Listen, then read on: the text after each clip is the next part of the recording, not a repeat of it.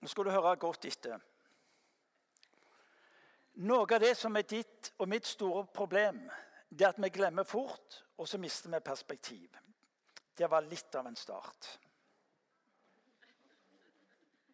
Men det er faktisk sant. Og Det som skjer veldig fort med deg og meg, det er at vi havner over i de såkalte selvfølgeligheter. Det var en som kalte det for selvfølgelighetens forbannelse. Det jeg vil du skal få tak i, og Grunnen til at jeg ba deg om å hilse på de rundt deg, det er at du skal i noen minutter bli oppmerksom på noe av det mest dramatiske som denne verden noen gang har opplevd. Nemlig at Gud velger å komme til denne verden. Og det mennesket og de menneskene som du hilste på, han kom for de menneskene. Og han kom for deg. Vi har plukket ut julen som høydepunktet. Vi har plukket ut påsken og pinsen som høydepunktet. Høydepunktet i den kristne tro er det som går forut for jul. Hvor Gud velger å ta bolig i denne verden. Alt annet er et resultat av det valget. Jul er et synlig uttrykk for en Gud som har sagt 'Så mye elsker jeg, og så mye bryr jeg meg', at det jeg vil flytte inn i denne verden. Slik at ikke noe menneske skal kunne si at jeg ikke brydde meg. Det vi feirer jul, er bare det synlige uttrykket av en Gud som brydde seg. Påske er bare det synlige uttrykket av at han også var villig til å betale en pris. Pinse er bare et synlig uttrykk for en Gud som har sagt jeg vil være nær dere alltid. Men det starter det starter lenge før jul ved at Gud en dag sier nå er tida inne. Til at ikke noe menneske skal kunne si at jeg ikke brydde meg.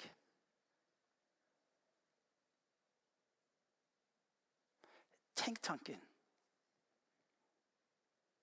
Bill Gates, en av de rikeste menn på denne kloden, en dag sier Bildet halter, det er ikke fullstendig i det hele tatt. Men for at du og vi skal få tak i noe av dette ubegripelige mysteriet Bill Gates bestemmer seg for en dag og sagt denne verden opplever så mye fattigdom, opplever så mye sykdom, så mye smerte, at jeg vil fra i dag av vil jeg gi fra meg alle pengene.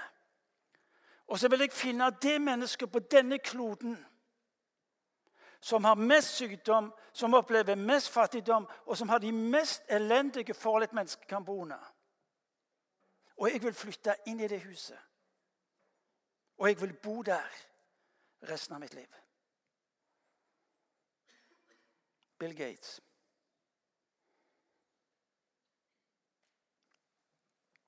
Bildet, bildet banalt. Men vi snakker altså om allmaktens Gud som en dag sier 'Jeg vil flytte inn i denne verden'.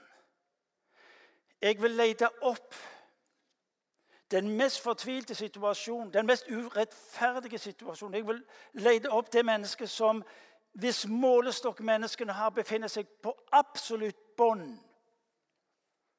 Der vil jeg flytte inn. Han som sørger for en dag å skape det står at han talte, og det skjedde. Det står at han bød, og så sto det der. Som sier at han holder alle ting oppe ved sin hånd. Advent er for meg, om ikke den flotteste, så en av de flotteste, flotteste tidene. Fordi den tar meg tilbake til det som går forut for alt det andre. Nå må jeg jo si, hvis jeg skal være dønn ærlig Jeg syns jo at når himmelen skal forberede ting og presentere ting, så syns jeg av og til det er litt puslete. Hvis jeg hadde fått lov til å ha regien, så ville jeg vel sannsynligvis gjort det på en litt mer spektakulær måte. Allmaktens Gud har meldt sin ankomst. Ja, det var ei stjerne på himmelen som lyste litt mer enn de andre. Men hvorfor i all verden la han det ikke opp slik at alle stjernene var som sånn type sånn, sånn skilter som pekte én vei? Piece of cake, no problem. Han kunne jo sørge for Ja, hvorfor sendte han ikke pressemelding til alle de store i denne verden og sa nå skal det skje noe? Hvorfor fant han ikke den mest sentrale plassen på kloden til å annonsere slik at han hadde maks effekt. Jeg lurer på denne her form for pressedekningen. Himmelen er svak på pressedekning. Jeg vet ikke om du har tenkt på det. Himmelen er ikke god når det gjelder pressemeldinger. De er ikke gode på å legge forholdene til rette, hvis jeg skulle få lov til å mene mitt om dette. her. Fordi at når vi feirer vår jul og ser barnet for oss, så, så tenker jo de fleste av oss det, det var en spesialdesigna fødestue. Altså når, når, de kongelige skal føde, hva skjer da? Der er pressedekning og nedtelling i dagevis føre. Fødestuen blir vist fram. Alt er klart. og Du må bare ikke tro at det er vanlige jordmor. Er det, det er altså ekspertisen.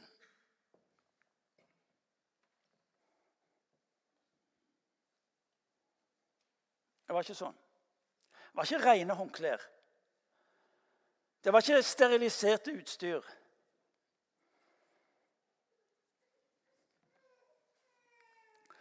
Den stallen som han ble lagt i, allmaktens Gud valgte å synliggjøre seg inn i denne verden, var ikke fri for saueskit, kuskit, insekter, bakterier, hele greia. Varmeovnene var ikke skrudd på. Det var ikke rene håndklær. Anonymt, mørkt, fjernt fra sentrum. Maria måtte sannsynligvis også ta fødselen alene, for på den tida var det ikke naturlig at menn var med på fødselen. Allmaktens Gud. Ingen Bill Gates. Allmaktens Gud velger altså det mest ynkelige av det som tenkes kan.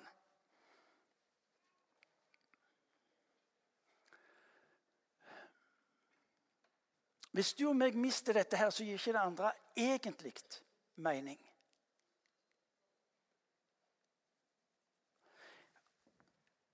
Allmaktens Gud kommer inn i denne verden, og så rydder han en plass, og så sier han, 'Her er jeg'. For at du skal vite at du aldri mer skal være alene. Her er jeg, og du skal vite at uansett hva som er ditt liv og din historie, så skal den aldri kunne skille deg fra min kjærlighet. Her er jeg, på denne kloden, inni dette elendige er jeg. Fordi at du skal vite at jeg holder ord når jeg sier at jeg er din far.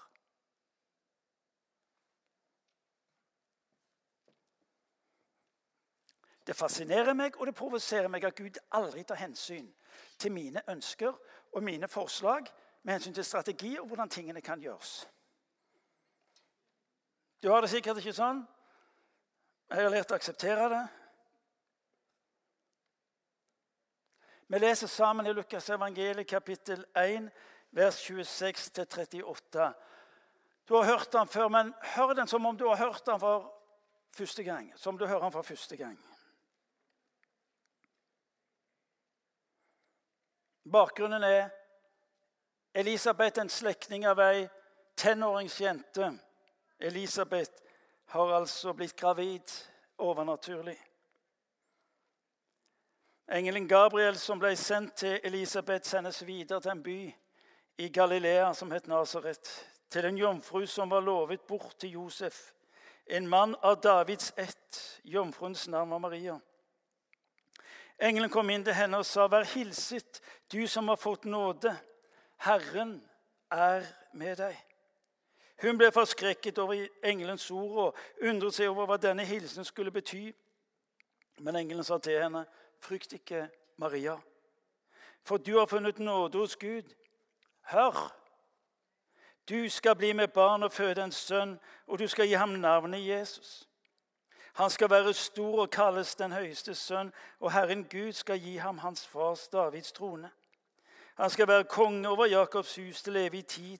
Det skal ikke være ende på hans kongedømme. Maria sa til engelen, 'Hvordan skal dette kunne skje, når jeg ikke har vært sammen med noen mann?' Engelen svarte, 'Den hellige ånd skal komme over deg, og den høyestes kraft skal overskygge deg.' Derfor skal barnet som blir født, være hellig og kalles Guds sønn. Og hør!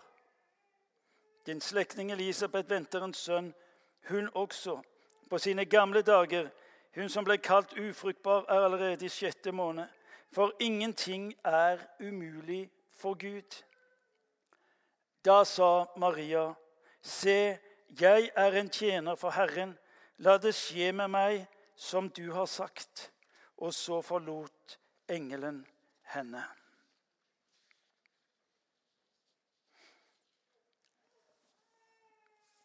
Fire ting ønsker jeg at du skal få med deg, som for mitt eget liv har avgjørende betydning når det gjelder å både skulle være en Kristus-etterfølger i denne verden, men også våge å omfavne det som Gud rekker meg, og som han rekker deg, inn i denne verden.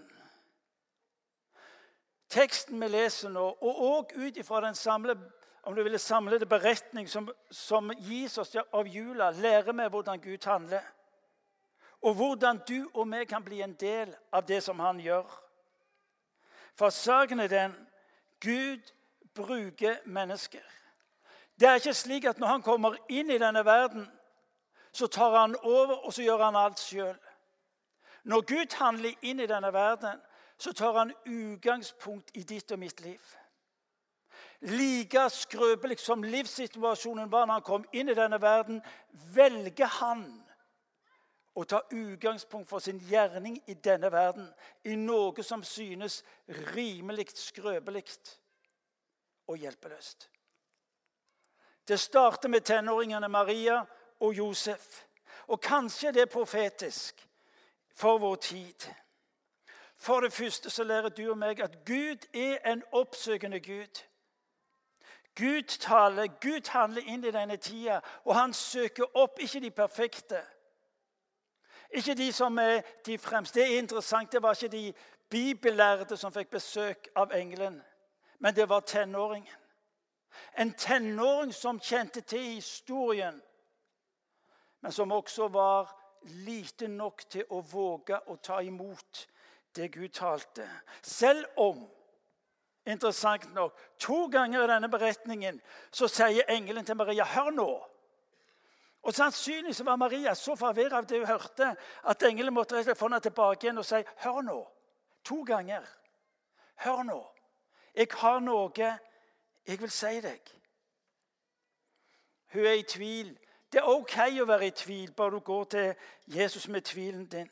For våger du ikke tvilen i livet ditt, så holder heller ikke troen når det røyner på. Det interessante er at engelen taler lite om underet, men han taler om det som er i Guds hånd. Der du og meg er opptatt med hvordan skal tingene skje, vil Gud i liten grad, og som oftest ikke i det hele tatt, gi oss svar på de forklaringer man vil henvise til hva han sjøl vil gjøre. Maria våger å høre på det engelen har å si til henne. Gud oppsøker for å tale inn i ditt liv hva er det han taler inn i ditt liv? Ikke primært alt det du skal gjøre, men hva du skal få lov til å være en del av. Der Maria sine spørsmål, viser engelen henne hvem Gud er. Maria kjente Skriftene. Hun var oppdratt til å lese ordet, bli værende i ordet. Saken er den at hvis du og meg mister Guds ord, så mister vi fundamentet for livet vårt. Det vet djevelen, og derfor er det en drabelig kamp på ordet. Når engelen taler inn det profetiske ordet i Marias liv, så kjenner hun linja, og så kjenner hun løftene på sitt eget folk. Etter ditt ord lyder det fra Maria. La det skje med meg som du har sagt. Maria underlegger seg en autoritet. Av og til så sier hun vi har fått en ny tid, vi må tenke annerledes. Du og meg lever i en ny tid og vi tenker annerledes, men vårt referanseramme skal få lov til å være Guds ord, Gud som autoritet. Det er det han inviterer Maria til. Det er det du og meg òg inviteres til. Senere så ser vi at Josef òg blir forvirra. Blir tiltalt gjennom drømmer kunne avvist det hele. Men historien som kirka bærer med seg, eller som israelsfolket bar med seg, gjorde at de vågte å lytte. Denne kirka har en historie. Imi-kirka har en historie. Den norske kirka har en historie som skal få lov til å dra en retning og si La det skje med meg som du sier, Gud. Gud, la ditt ord og din inngripen være det som bærer i våre liv. Står i vers 45 når Maria litt seinere treffer Elisabeth, så står det om henne at salig er hun som trodde. Denne verden er, er egentlig ikke så yselig imponert over alt det du meg får til. Men det som tiltaler denne verden, det er om den opplever at han du tror på, får lov til å gjøre sin gjerning i ditt og i mitt liv. Gud møter oss på forskjellige måter. Gud oppsøker oss på forskjellige måter. Eh, det er noe jeg har lært, og det er at eh, Gud er definitivt ikke på formel. Der i sitt hverdagsliv er det Maria blir stoppa. Du og meg vil i vårt hverdagsliv av og til i Guds hus, av og til på gudstjeneste, av og til på en himmel, åpen himmelkonferanse.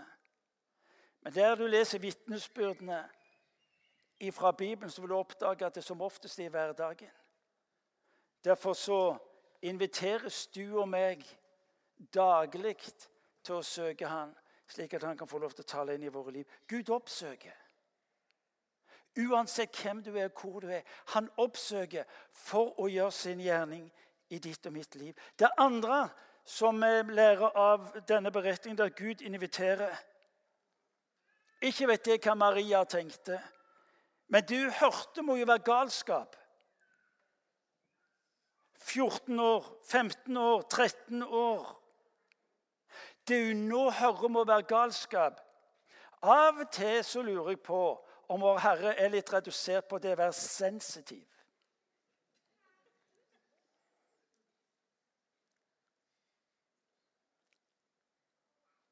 umodne 13-åringer, 14-åringer. Og det levende vi hadde i vinter fordi det var noen av konfirmantene våre som var ute og skulle velsigne mennesker som ikke hadde det så godt. Dere husker mediedekning, gjør ikke det? Nei, jeg bare spør. Jeg må jo si jeg vet ikke helt.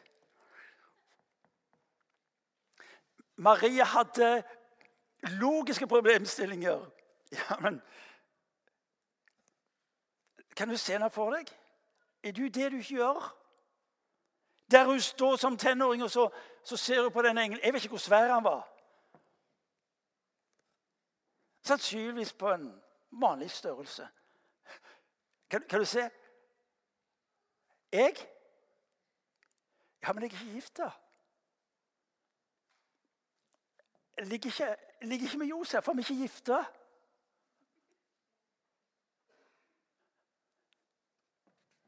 Kan du se Maria ser på seg sjøl, så tenker hun ja, men det går jo ikke an. Så mye Maria fortalte. Hør nå. Dette kan ikke skje. Jo da, jeg tror på Skriftene, jeg tror på profetene. Jeg kjenner mitt folks historie. Men det er historie, og den ligger bak. Guds sønn, sa du. Og hun visste og kjente begrepet Guds sønn. som hadde fulgt folkets historie, og som var det de drømte om skulle se virkeliggjøres. Guds sønn. Konge over Jakobs ett, Messias, meg. Maria kunne sagt nei. Hun kunne sagt, vet du hva, Dette er for dumt. Jeg må ha fått solstikk. Det var det Mor sa jeg må komme inn, for det var et eller annet som skjedde. Hennes egne argumenter kunne ha overbevist henne om at Maria, dette er bare tull. Nå skal du høre. Din sterkeste tale, Den sterkeste talen i ditt liv er som oftest ikke Guds tale, men din egen.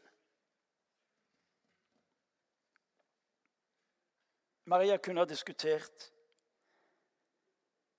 Kanskje var hun overstadig forelska.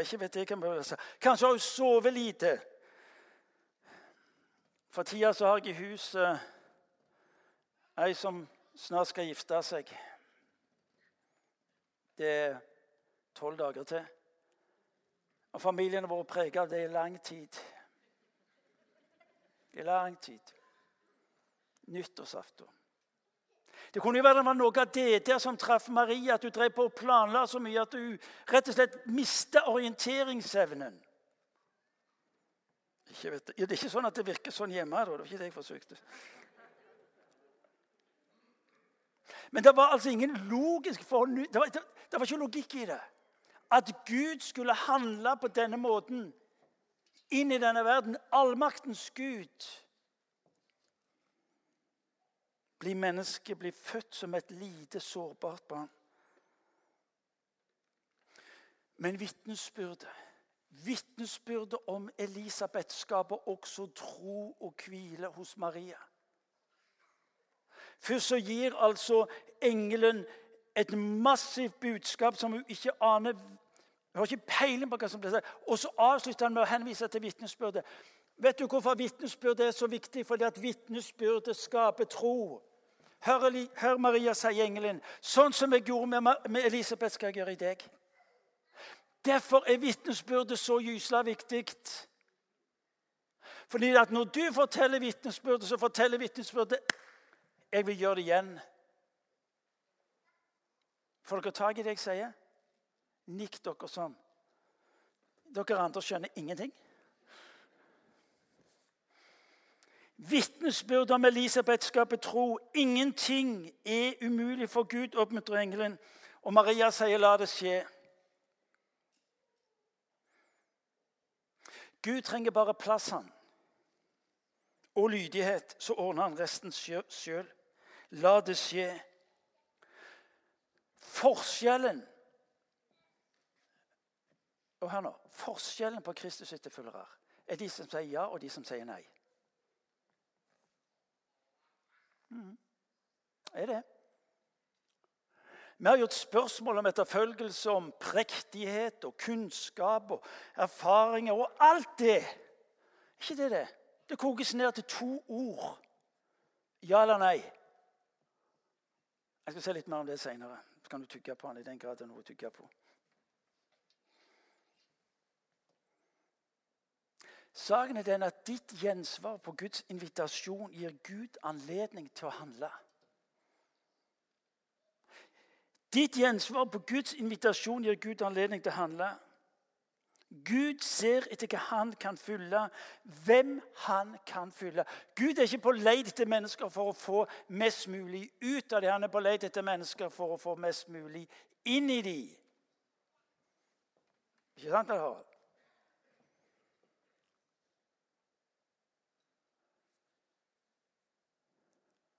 Gud spør ikke hva du har primært, men spør hvem du er, slik at han kan få lov til å følge opp. Gud oppsøker, Gud inviterer, Gud handler, er det vi snakker om.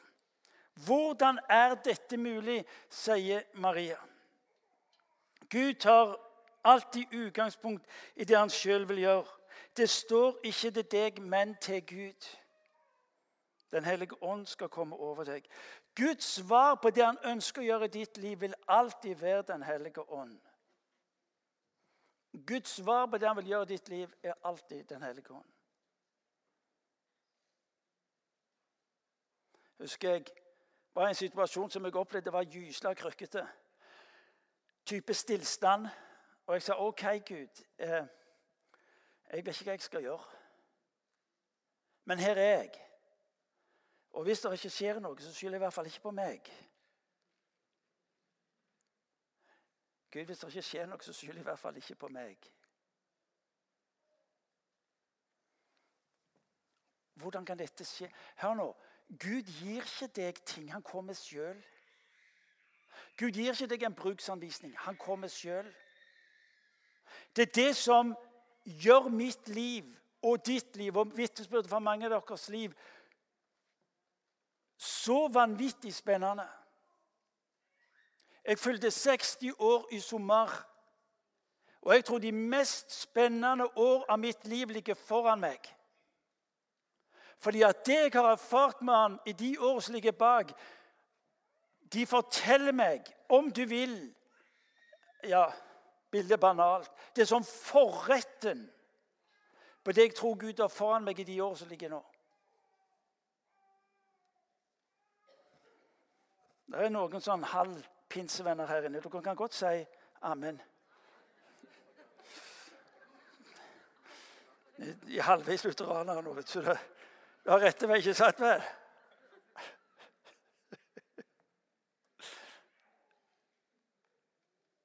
Å få være med på det Gud gjør. Bli en del av det han handler inn i denne verden. Det er det vi snakker om. Og så det siste punktet. Det fjerde og siste punktet handler ikke om Gud, men det handler om deg og meg. Nemlig Marias lydighet. Du leser historien, og du tenker 'fantastisk'. Ja, bra. Sånn handler Gud. Det er flott at Gud gjør det enkelt og tilgjengelig. Det er godt at Gud handler inn i denne verden slik at verden kan bli frelst.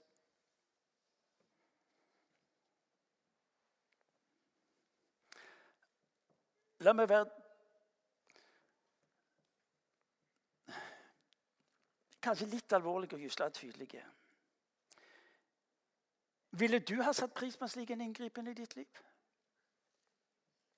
En, bli en del av det Gud gjør?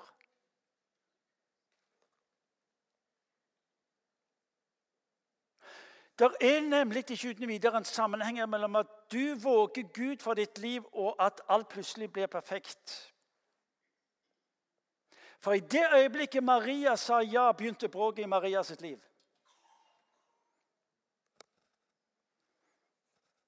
Det akseptable sosiale mønsteret røyk. Hun var ugift, men var nå gravid.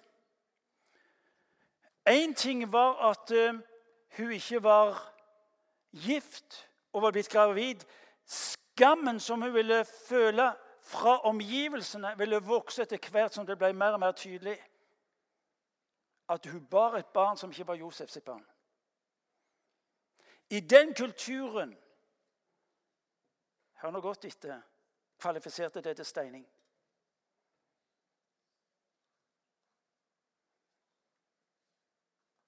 I det øyeblikket Maria sa ja til Guds kall, i det øyeblikket gikk hun inn i måneder og år med mareritt. Men Maria var tatt inn i forståelsen av å tilhøre en større historie. Derfor hennes bekjennelse. Det var altså ikke noe kortsiktig og trygt.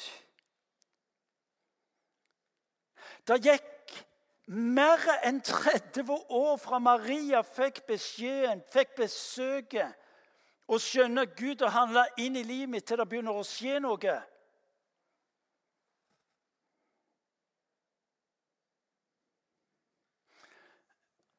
Tenk deg tanken hennes ser gutten vokse opp. Det skjer jo ingenting. Det er ingenting ved Jesus som tyder på at han er det som engelen sa. Fem år, ti år, 15 år, 20 år. Josef dør. Maria er alene. Hun er enke. Men det blir jo ingenting med han.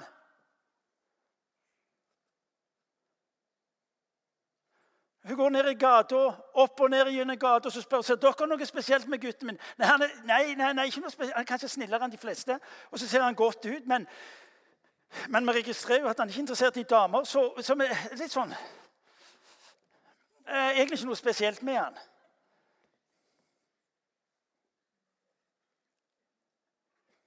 Når skal det skje noe?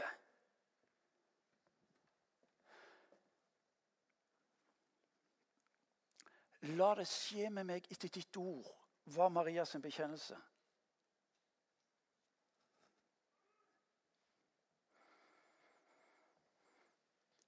Å være i Guds plan med livet sitt er ikke det samme som medgangen. Ikke det samme som medvinden og den berømte sola i ryggen. Mitt møte med den forfulgte kirka for mange år siden var et tydelig vitnesbyrd om nettopp dette. Hvor Kristus' etterfølgelse ble et liv i korsfestelse.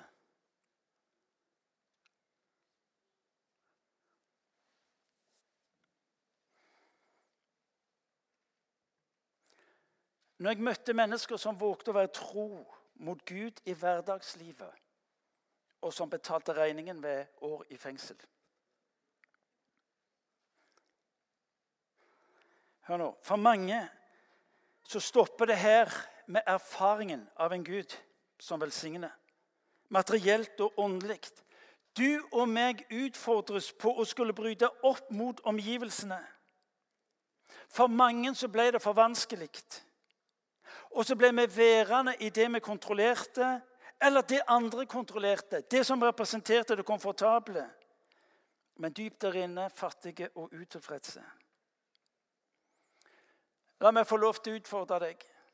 Og Det skal være min bønn avslutningsvis. At Gud skal åpenbare seg for deg på en slik måte at du er nødt til å ta nye steg. Vil du la Gud fø inn i ditt liv det han har for andre mennesker? Vil du la Gud fø inn i ditt liv det som er til velsignelse, som er til helbredelse, som er til gjenopprettelse for andre mennesker?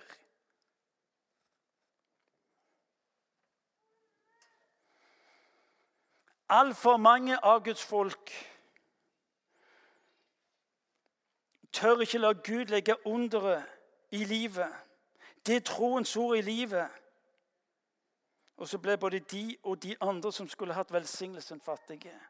Advent er en påminnelse om et menneske som sier, 'Gud, la det skje med meg etter ditt ord', slik at du og meg jul kunne få lov til å feire inkarnasjonen. Gud blir menneske. At du og meg kunne få lov til å våge å tro en Gud som tilgir, og en Gud som er nær. Maria lærer oss veien å gå. Hennes ja ble Guds mulighet. Advent er en påminnelse om at ditt ja til Han blir Guds mulighet. Bekjennelsen på valget, lydigheten. Maria vet hvem hun er. Tjenerinne kaller hun seg for. Sant selvbilde og sunn selvforståelse. Jeg syns det er fascinerende det som står litt lenger ute, så står det i vers 49. For store ting har han gjort imot meg. Han den mektige hellige er hans navn. Og så sier hun fra slekt og til slekt varer hans miskunn for den som frykter ham. I vers 48. Og se, fra nå av skal alle slekter prise meg salig. Hør nå. Gud ønsker at mennesker rundt deg skal prise deg ved at Gud fikk lov til å være Gud i livet ditt. Hører du hva jeg sier? Gud vil at mennesker rundt deg skal prise deg fordi at Gud ved ditt liv ble synlig og tilgjengelig.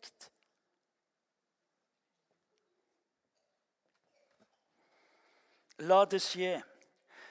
14-åringens bekjennelse, som senere lyder gjennom kirka sin historie, la det skje, for alt er mulig for Gud. Jul lærer oss at Gud bruker mennesker for å bryte gjennom i denne verden. Av én vesentlig grunn for å frelse folket fra deres synder. Jul handler dypest sett ikke om deg og meg, men om Gud. Han har kommet nær. Han er her. Presence heter det på godt engelsk. Adventstida skal få være påminnelse om at det egentlige mirakel og det egentlige underet skjer før du får øye på det. Hva Gud velger å ta bolig i en tenåringsliv for at du og meg senere skal få se at himmelen er åpen ved det. Alt annet følger av dette mirakelet.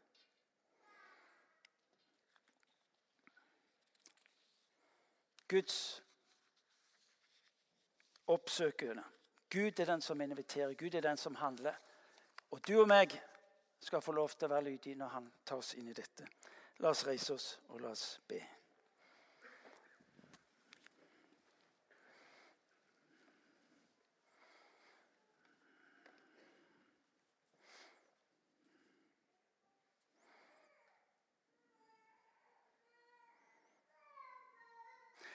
Kan du gjøre meg en tjeneste? Kan du snu deg med den som står ved siden av deg?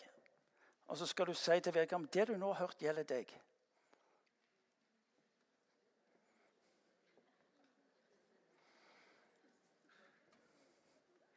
Og så vil jeg du skal se på vedkommende igjen så skal du si det du nå har hørt, det gjelder meg.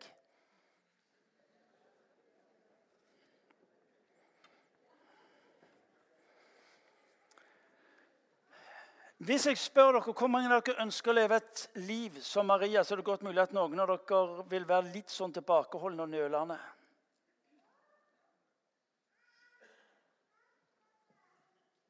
Men det er det du inviteres til. La oss be sammen. Herre Helligånd, takk fordi du er her nå mellom oss.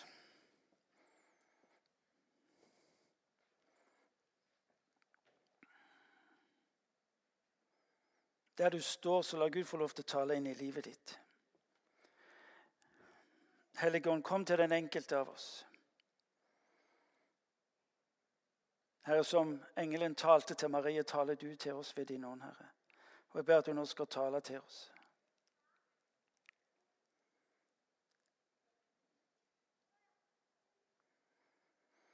Far, jeg ber om at du skal planta ditt mirakel i den enkeltes liv, Herre, som er i kirka nå i formiddag. At vi skal omfavne, Herre, det du minner oss på, det du legger inn i livet vårt, det som du fyller vår tanke med, Herre. Herre, hvor vi på den ene sida kan ha Maria sine mange spørsmål og usikkerhet, og på den andre sida bekjennelsen av at Gud skal virkelig gjøre det du har begynt. Hellige Ånd, jeg ber at du nå skal komme til den enkelte av oss. Jeg ber om du skal ta oss ut i hverdagslivet på en slik en måte, Gud, at vi våger å omfavne det du gir oss. At du skal legge liv ned i vårt liv på en slik en måte at omgivelsene ser at du er Gud.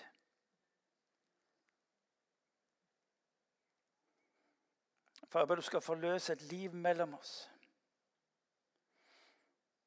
hvor advent og jul og påske og pinse ikke er hendelser vi jubilerer eller feirer, men som er påminnelsen, Gud, om at du er en Gud som handler i dag. Herre, velsigne den enkelte av oss her vi står. For denne byen roper, Herre, etter nåde. Den roper, Herre Gud, etter deg uten selv å vite det. Far, du har plassert oss i dette huset. Ikke for å bli værende her, her, men for å bære med oss og bringe med oss ditt ord, ditt rike. For jeg ber du skal la advent, Herre, for oss som er her, bli dager nå, Gud.